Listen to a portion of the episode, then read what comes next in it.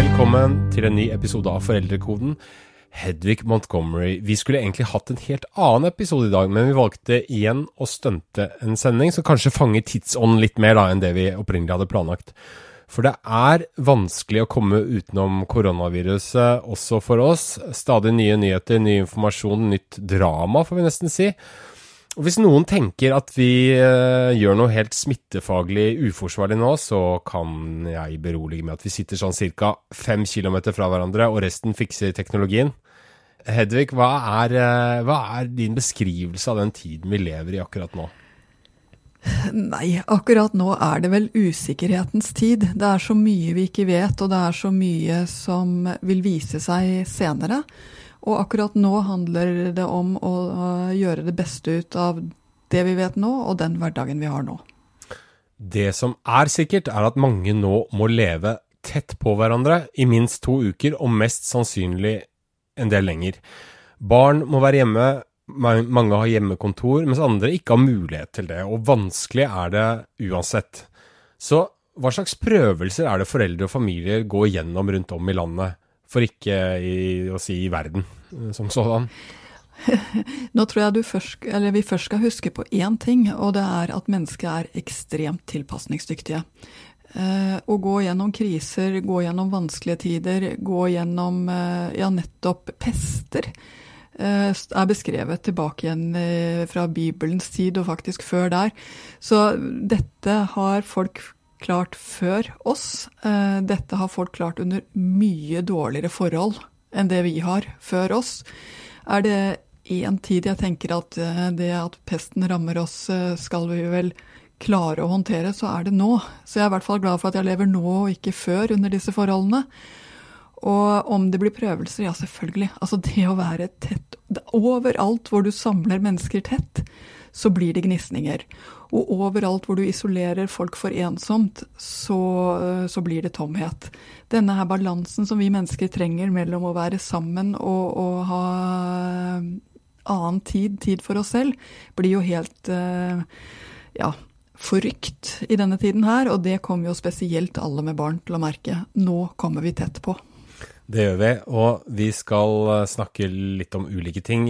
Eh, sider ved familieliv i koronaens tid i dag. Litt om frykten og uroen, og hvordan man skal snakke med barna om dette. Og selvfølgelig også hvordan man best mulig kan innrette seg og gjøre det levelig innad i familien. Og så skal vi snakke litt om de barna som kanskje har ekstra belastning i disse dager. Frykt, uro, usikkerhet, stadig ny utvikling i antall smittede og ny informasjon om hvordan vi skal forholde oss til dette. Det er svært få som har opplevd dette her før. da. Og Hvordan påvirker mm. alt dette her barna, egentlig? Altså Nå må jeg si at barn er kanskje enda flinkere enn voksne til å tilpasse seg livet sånn som det er, og til å forholde seg til de rammene de får. Så min beste gjetning er at barna kommer til å klare dette fint, hvis bare vi klarer å lage, lage trygge rammer for dem. Hvis vi klarer å lage ålreite hverdager, så kommer de til å klare seg fint. Men skal vi få til det, så må vi jo ha litt kontroll på vår egen frykt og usikkerhet. Ja, og hvordan får man det? Fordi at jeg tenker på at man, man uh, har jo lite kontroll, føler man, og, og, liten oversikt selv. Rådene endres hele tiden. Man er usikker på hva som er det rette å gjøre. Uh, hvordan skal man unngå at eh, man si, barna arver denne uroen? Etter beste evne så tror jeg vi må klare alle sammen å tenke akkurat dette. Det kommer til å gå bra. Om noen uker så starter livet så sakte opp igjen, og vi kommer til å gjøre akkurat det samme som før. Det vi gjør nå, gjør vi av en grunn, nemlig for å dempe smittetakten. Vi gjør det ikke for at vi er en, eh, en, sykdom som tar livet av alle, men vi gjør det rett og slett for å ta vare på dem som virkelig trenger det. Livet kommer til å gå videre. Det kommer til å gå bra. Og det høres kanskje litt rart ut, men mennesker er nesten helt avhengige av denne ene tanken. Dagen i morgen blir omtrent som dagen i dag. Eh, og det er jo det som blir rystet i akkurat eh, slike situasjoner. Men allikevel så er det faktisk slik at om noen uker så kommer livet igjen til å se ut omtrent sånn som det gjorde før. Får vi håpe, da. Er du sikker på det? ja, vet du hva. Akkurat dette er jeg sikker på. Godt å høre.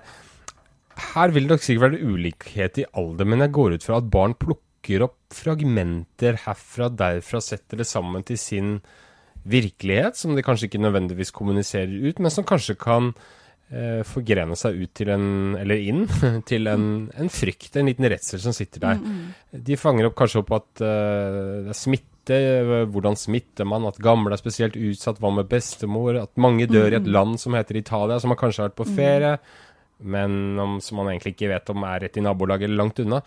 Så hvordan skal man for, som foreldre nøste i det å forsøke å skape, skape, en narrativ som ikke gjør mer redd, mer usikker, mm. men mer stabilt? Altså For det første så tror jeg at uh, de minste barna, de trenger bare at du viser med hele deg at du er her, og det er oss, og dette kommer til å gå bra. Altså rett og slett lager den hverdagen som de trenger.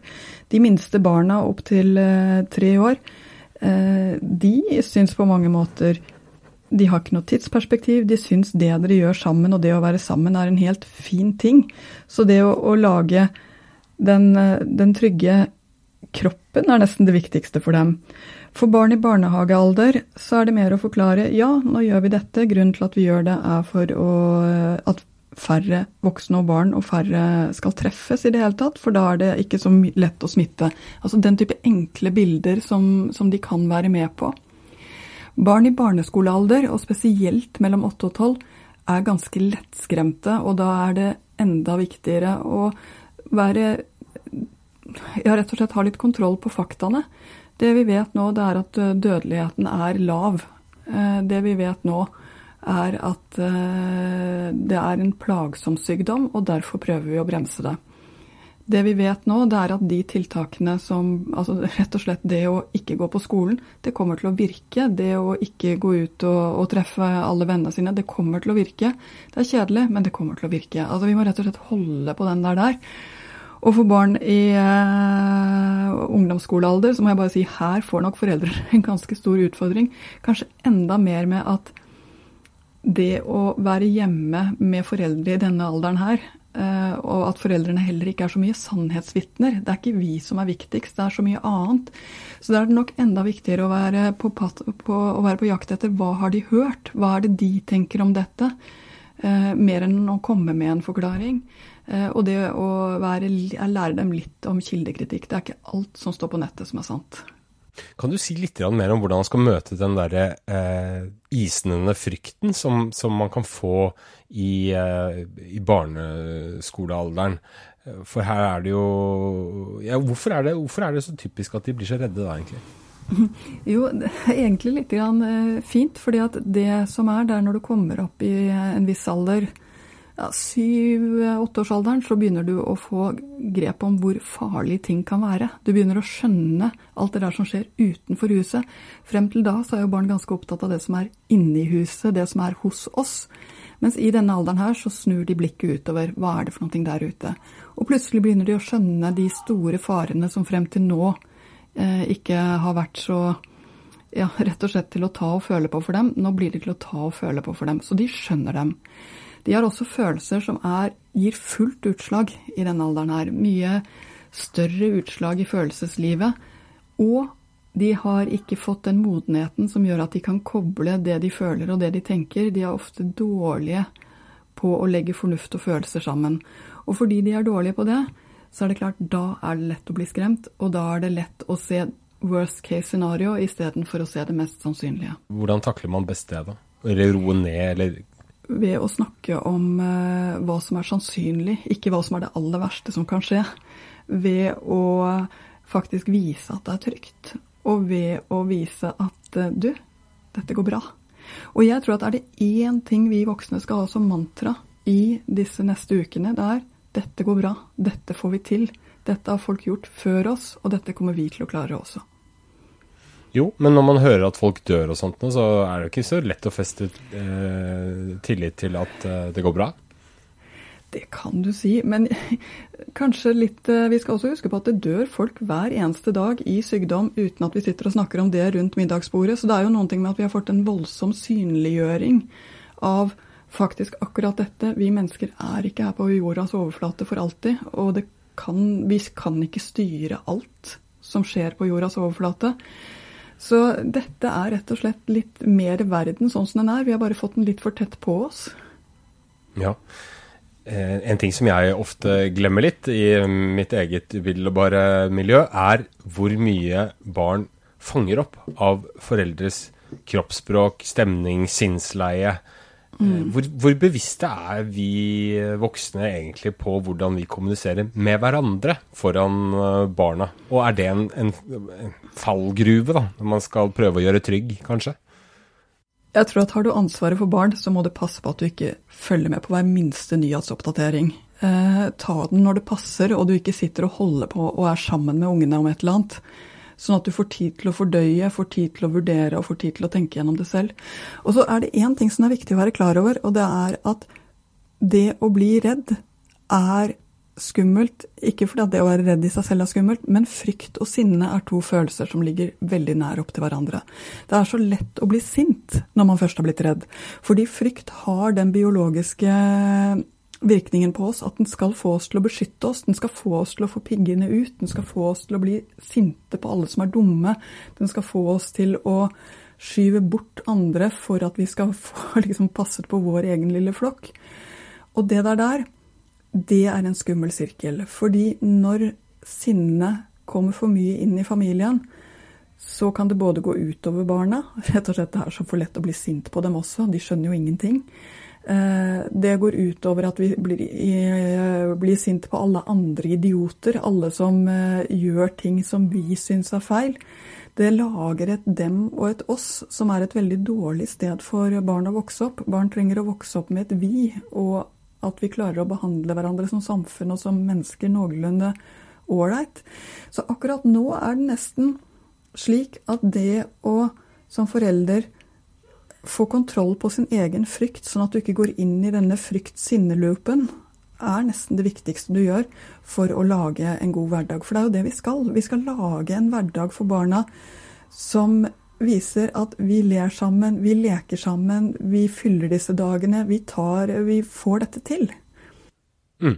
Interessant at du sier akkurat det, for det har slått meg litt eh, når man lager disse kampanjene på Facebook f.eks. Så eh, ligger det en slags godvilje og en godhjertethet og et ønske om å gjøre noe bra bak, men det ender ofte i en sånn agiterende tone hvor man rakker ned på alle andre som ikke gjør som akkurat en selv. Hvorfor skjer dette her? Nei, Det er akkurat pga. dette. Blir vi, altså blir vi redde, så blir vi også nesten automatisk sinte.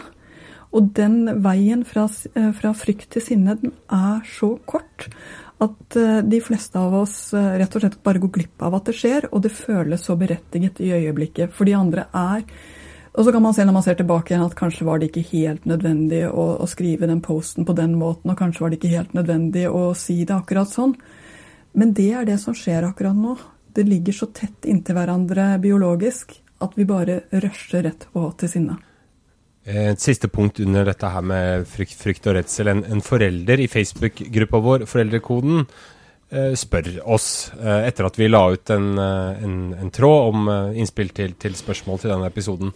Hun skriver hvordan forklare på en forståelig og betryggende måte til barnet at en av foreldrene må jobbe 24-7 pga. en samfunnskritisk jobb, uten mm. at de skal bli redde for forelderen som skal jobbe, eventuelt viruset. Mm. Jeg må bare si at er du så heldig at du har en jobb som er så viktig at du faktisk trenger å fortsette å jobbe, så er det noe du skal være ganske stolt av. Og jeg tror de fleste barn også er stolt av foreldre som har denne type jobber. Enten det er å sørge for at vi får mat ut i butikkene, eller det er å, å jobbe som uh, sykepleier eller lege. Altså, alle disse jobbene som er å få kjørt søpla og sørge for at samfunnet går rundt, det er så viktig at det har du lov til å si. Vet du hva, dette må jeg gjøre for at verden skal gå rundt. Det er veldig mange andre som også jobber der ute for at verden skal gå rundt. Og det går bra både med oss og med barna våre. Dette får vi til.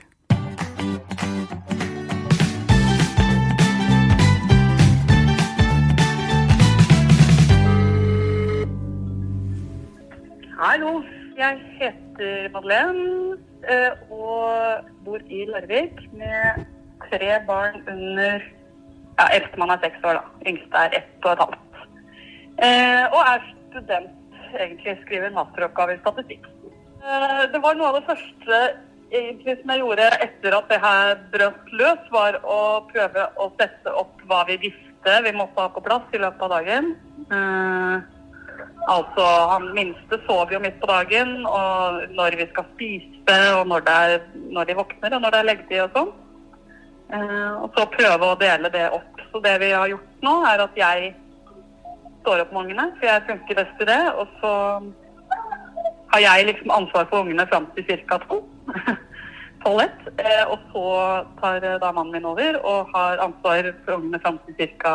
fem. Og så eh, har liksom ettermiddagen sammen delvis, litt sånn som før. Og så ja, disponerer vi jo da etter barnas leggetid litt sånn fritt oss imellom. Vi har vel gjort noen justeringer. Det viste seg at min mann ikke var like glad i å jobbe på natta lenger som han var for ti år siden. Eh, så den har vi justert litt på. Eh, så nå har han en liten jobbjork på morgenen og så en på kvelden, og så har jeg midt på dagen. Eh, og så er det på en måte å få ungene til å skjønne at når den ene jobber, så, så må man kanskje ikke forstyrre, med mindre det er krise. Akkurat nå går det jo egentlig greit enn så lenge, men jeg kjenner meg selv såpass at jeg vet jeg må legge opp til mer hva skal jeg si, alenetid på et eller annet tidspunkt.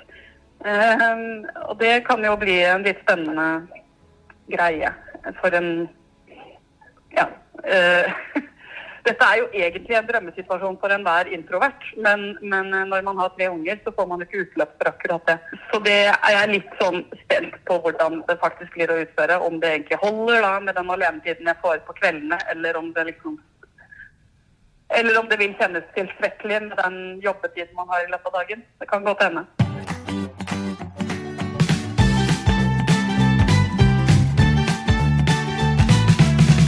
Hedvig, det er jo dette mange lurer på. Eh, og, litt, og de er litt bekymra for, er hvordan de skal skape et levelig familiemiljø når man er avskåret fra sosialt liv og mye av det man i det daglige tar for gitt, som f.eks. å gå på biblioteket, teknisk museum, besøke en gård. Hvordan skal man egentlig legge ting best mulig til rette i disse dager? Det kommer jo selvfølgelig an på hva slags familie dere er, hva dere driver med, hva dere er opptatt av, og hva dere gjør for noe til vanlig. Men for å være helt sånn enkel, så handler det om å lage rytme. Det viktigste for både barn og voksne, det er rytme, det er forutsigbarhet. Og rytme, det viser man med at man står opp til omtrent samme tid, spiser til omtrent samme tid, legger seg til omtrent samme tid, deler inn dagen i forskjellige soner hvor det skjer litt forutsigbare forskjellige ting. Først så eh, jobber vi alle sammen litt, eller kanskje barna spiller litt dataspill. Så gjør vi en del skolearbeid. Så går vi ut en tur. Etter lunsj så jobber vi videre med eh, sånn og slik, eller Altså det kommer an på alderen på barna. Men det å lage en sånn dagsplan som ser ut omtrent som den man har på en leirskole, dvs. Si grove overskrifter eh, for hva som skal skje når på dagen, er egentlig det beste rådet jeg har. At det er en, altså at man varierer litt, og at det også er fysisk aktivitet. Kjempeviktig. Barn må løpe, hoppe, sprute, bevege seg eh, for å ha ro i sjela si.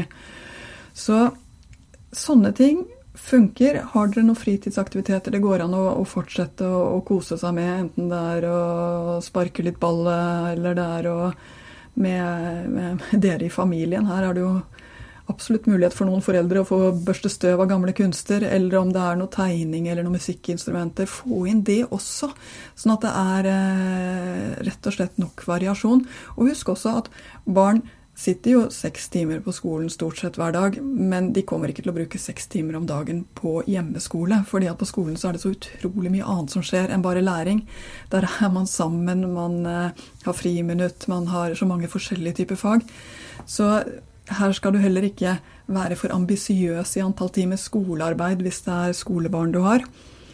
Eh, og så er jo min beste gjetning altså Vi syns virkelig synd på, det gjør jeg også, alle med barn i barnehagealder, fordi det er så intenst. Det er så tett.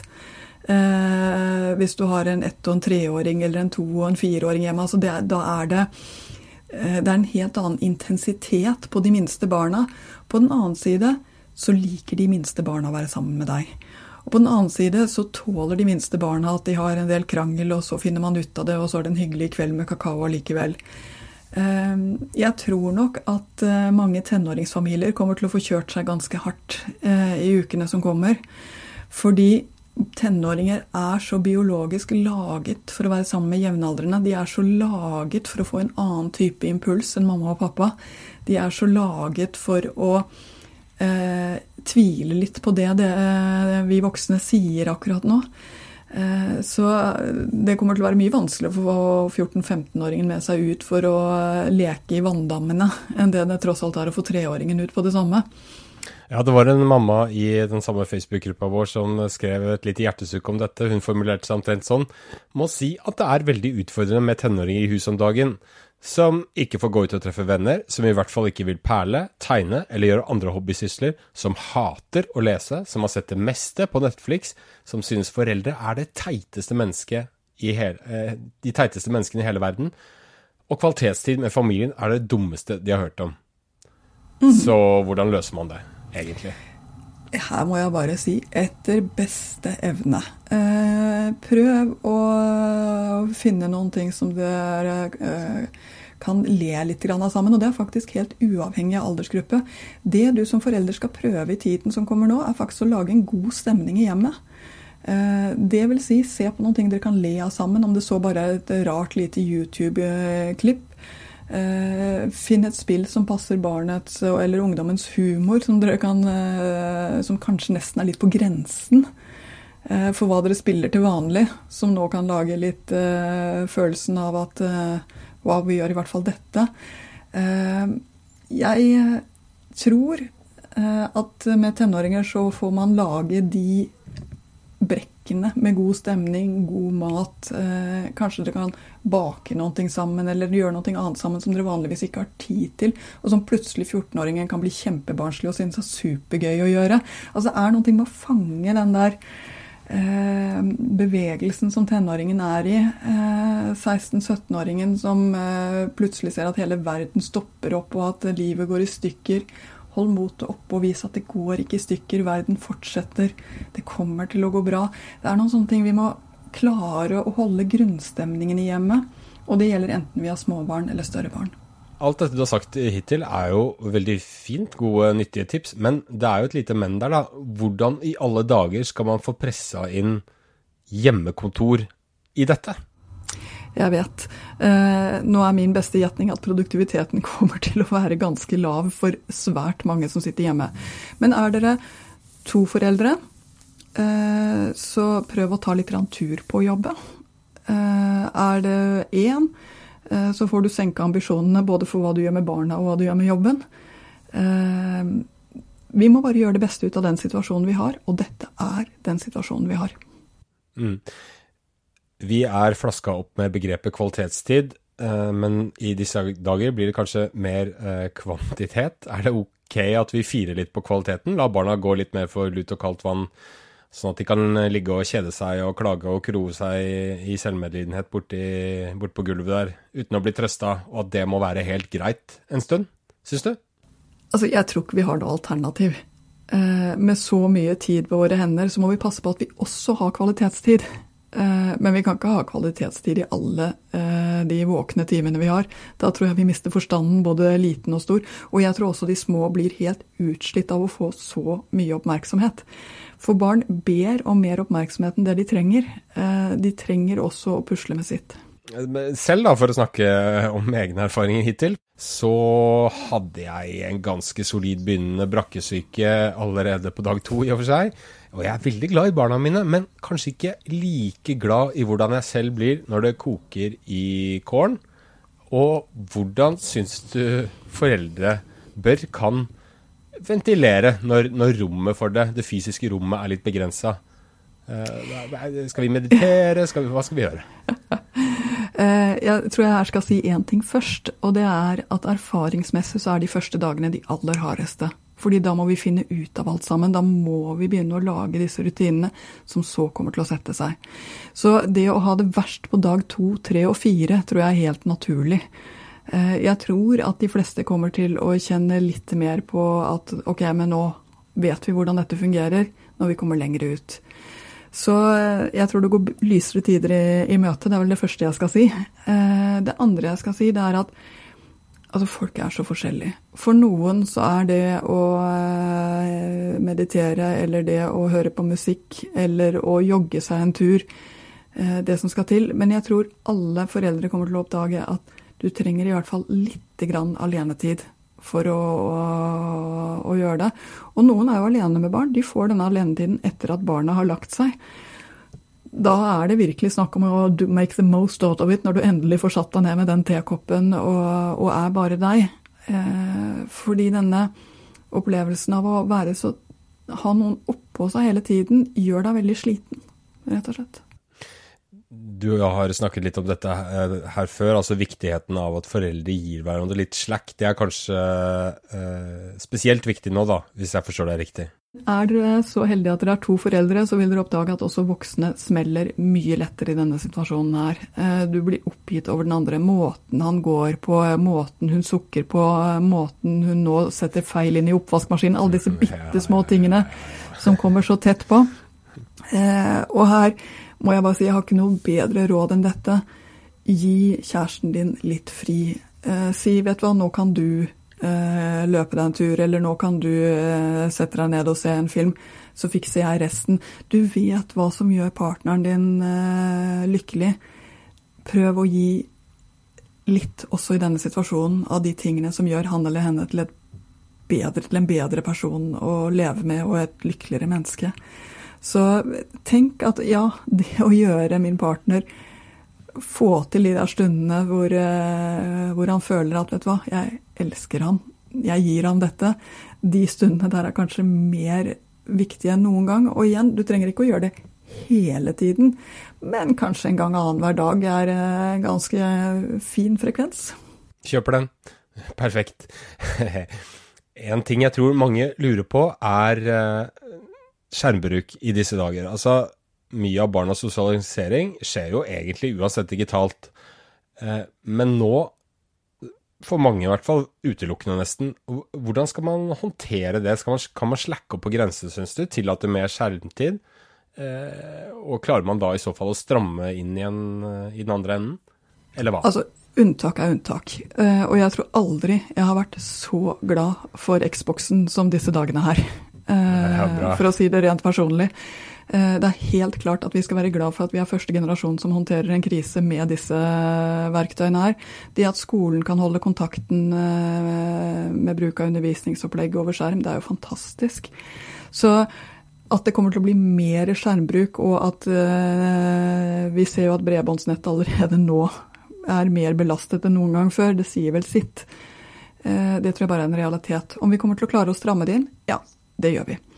Når vi kommer tilbake igjen til hverdagen, så skjer de vanlige tingene, og da kommer det til å gå en uke, og så er vi tilbake igjen på det vi tenker på som, eh, som en mer balansert bruk av skjermen.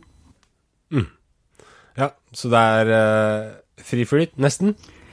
Altså jeg pleier jo å si dette, det er ikke så viktig med å, å, sette tid, men det er så viktig at det skjer andre ting enn skjerm også.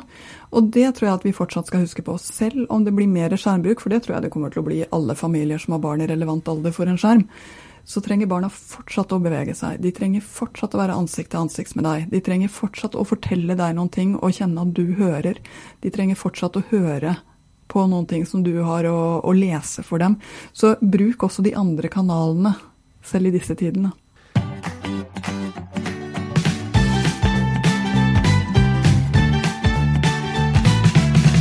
En ting som jo er et godt poeng, er hvordan man skal finne ting å se fram til når alt virker liksom litt sånn langt unna, rett og slett.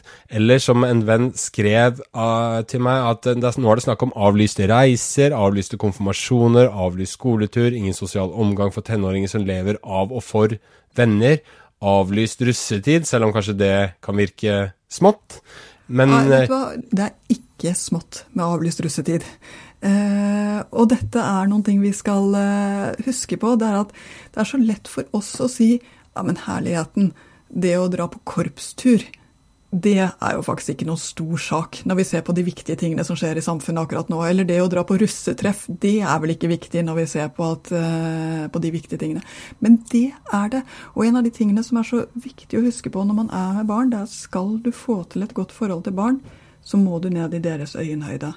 Jo, den korpsturen hadde du gleda deg til. Du har solgt bambussokker til halve nabolaget, eh, og nå blir det ingenting av den turen. Eh, det er klart, det er, eh, det er stort, og det er vanskelig. Russefeiring så mye som mange har holdt på både å jobbe og tjene sammen penger, forberede seg, glede seg, og så blir det bare avlyst. Det er klart det er trist. Så det første rådet her er trøst. Vet du hva? Det der skjønner jeg. Det var skikkelig, skikkelig dumt.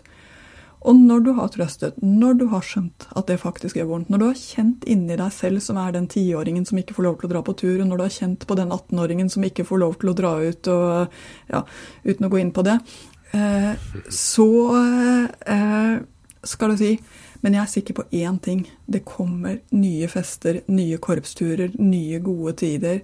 Og frem til da vi holder ut. Vi er sammen, vi står i det, og vi kommer dit hvor det kommer nye ting å glede seg til. Så det var eh, feil av meg å blåse litt av den eh, gjengen på Dagsrevyen som klagde over at nå kanskje ble russetreffet og russetiden som sådan avlyst? Jeg skjønner dem bare så utrolig godt. Eh, det er bare det at for den jevne nordmann så vekker ikke dette noen stor sympati. Eh, men for en forelder så bør det faktisk være mulig både å forstå og trøste så må vi jo ikke glemme at det er noen familier som faktisk har litt større utfordringer enn andre. Der det å være hjemme eh, kan være ganske tøft, uavhengig av all den drama som skjer rundt. Eh, altså Det er ingen tvil om at for en del familier er dette en mye større utfordring enn dem som deler sine positive erfaringer på Facebook. For en del familier så har de f.eks. barn med særskilte behov, hvor det å, å er en fulldagsjobb Eh, å være sammen med dem på en helt annen måte enn det det er med barn flest. Noen har barn som rett og slett knapt nok klarer å sitte stille til vanlig. Eh, nå skal man være mye inne og uten den avlastningen andre mennesker er. Massevis av foreldre kommer til å være bekymret for sin egen jobb, sin egen økonomi og sin egen fremtid. Mm. Hvordan skal det egentlig gå? Eh, for noen eh, familier er dette langt mer hardtrammende enn for andre. Vi har familier som fra før bor trangt, har det trangt. Eh, det å, å, sitte inne med en håndfull barn sånn som de har det, er noe helt annet enn igjen kanskje mange av oss andre. For ikke å snakke om at eh, hva vet jeg, kanskje fant ut at kona di var utro rett før eh, karantenen trådte til. Så det er så mange scenarioer her, og vi har familier som kommer til å, å streve mer. Og vi vet jo ikke om disse i forkant. Mange, vi vet jo stort sett ikke så mye om hverandre som det vi tenker. Eh, så det er ingen tvil om at eh, det å være så mye rausere mot andre enn det vi kanskje ellers hadde gjort Ikke si hos oss går dette med skolearbeidet bare så fint. Det er jo bare å lage struktur. Det kan godt være at for andre familier er det å lage den strukturen nesten helt umulig akkurat nå. Eh, og jeg tror at vi skal sammenligne oss mindre. og også altså Det er så lett å gjøre seg selv litt bedre, for man ser at andre klarer det dårligere. Prøv å jobbe mot den der tyngdekraften det er å heve opp deg selv og si ja, hos oss går dette bare så fint, fordi mm, det er noen ting med å si at ja, dette er forskjellig for oss alle sammen. Og er det noen ting jeg kan gjøre eh, akkurat nå for deg? Hva kan man gjøre? Ja, altså igjen, det er jo et veldig godt spørsmål, men kanskje du kan forklare denne vanskelige matten bedre for naboens barn, eh, og til og med via Skype, enn det naboen klarer selv. Kanskje du kan uh, ta med noen ting på butikken uh, til uh, den familien som ikke helt klarer å stable seg ut. Kanskje du klarer å, å si, vet du hva, jeg tar med nå vi kjenner hverandre så godt og omgås så mye. Vi, vi, tar dine barn litt, de bare holder litt avstand. Altså, Let etter de løsningene som finnes, og let etter den rausheten du har i deg selv.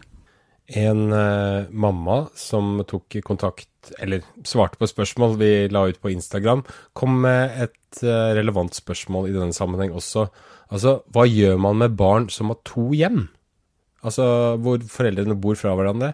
Så spør hun, sender man de mellom som små smittebud, i anførselstegn, eller tar man fra deg muligheten til å være sammen med den ene av foreldrene, med de komplikasjonene det, skal, det medfører?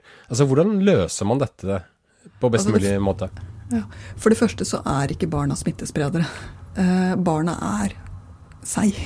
Eh, og med mindre det er slik at det ene hjemmet er risiko en, en som er utsatt for så, Altså som det er mer alvorlig å bli smittet for, så ville ikke jeg ha nølt med dette svaret. Det er barn trenger kontakt med begge foreldrene sine. De skal fortsette å være i begge hjemmene. Det er deres hverdag, og det er deres liv. Eh, Og det er sånn det ser ut. Eh, Det øker ikke smittespredningen, det er faktisk sånn livet deres ser ut.